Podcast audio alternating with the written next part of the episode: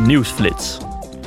Morgen zullen het Europees Parlement en de Raad proberen overeenstemming te bereiken over definitieve EU-regels voor het ontwerp, de productie en de verwijdering van batterijen.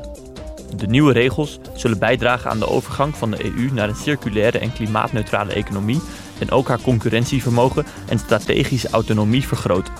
Het wetsvoorstel bevat maatregelen om batterijen duurzamer te maken en gemakkelijker te kunnen verwijderen. Verder zijn er doelstellingen opgenomen over afvalbeheer. Deze week bereiden de leden en fracties van het parlement zich voor op de plenaire vergadering van volgende week. De parlementsleden zullen in Straatsburg bespreken hoe de democratie kan worden beschermd tegen buitenlandse inmenging. Ook zullen ze de uitkomst van de COP27 klimaatconferentie beoordelen. Tot slot zal het parlement de Sloveense premier Robert Golob aanhoren als onderdeel van de debattenreeks Dit is Europa. Vandaag houdt de Commissie Vrouwenrechten en Gendergelijkheid een interparlementaire commissievergadering. De betrokken parlementsleden zullen in gesprek gaan met vertegenwoordigers van nationale parlementen over gendergelijkheid in het parlementaire leven, met een bijzondere nadruk op gender mainstreaming.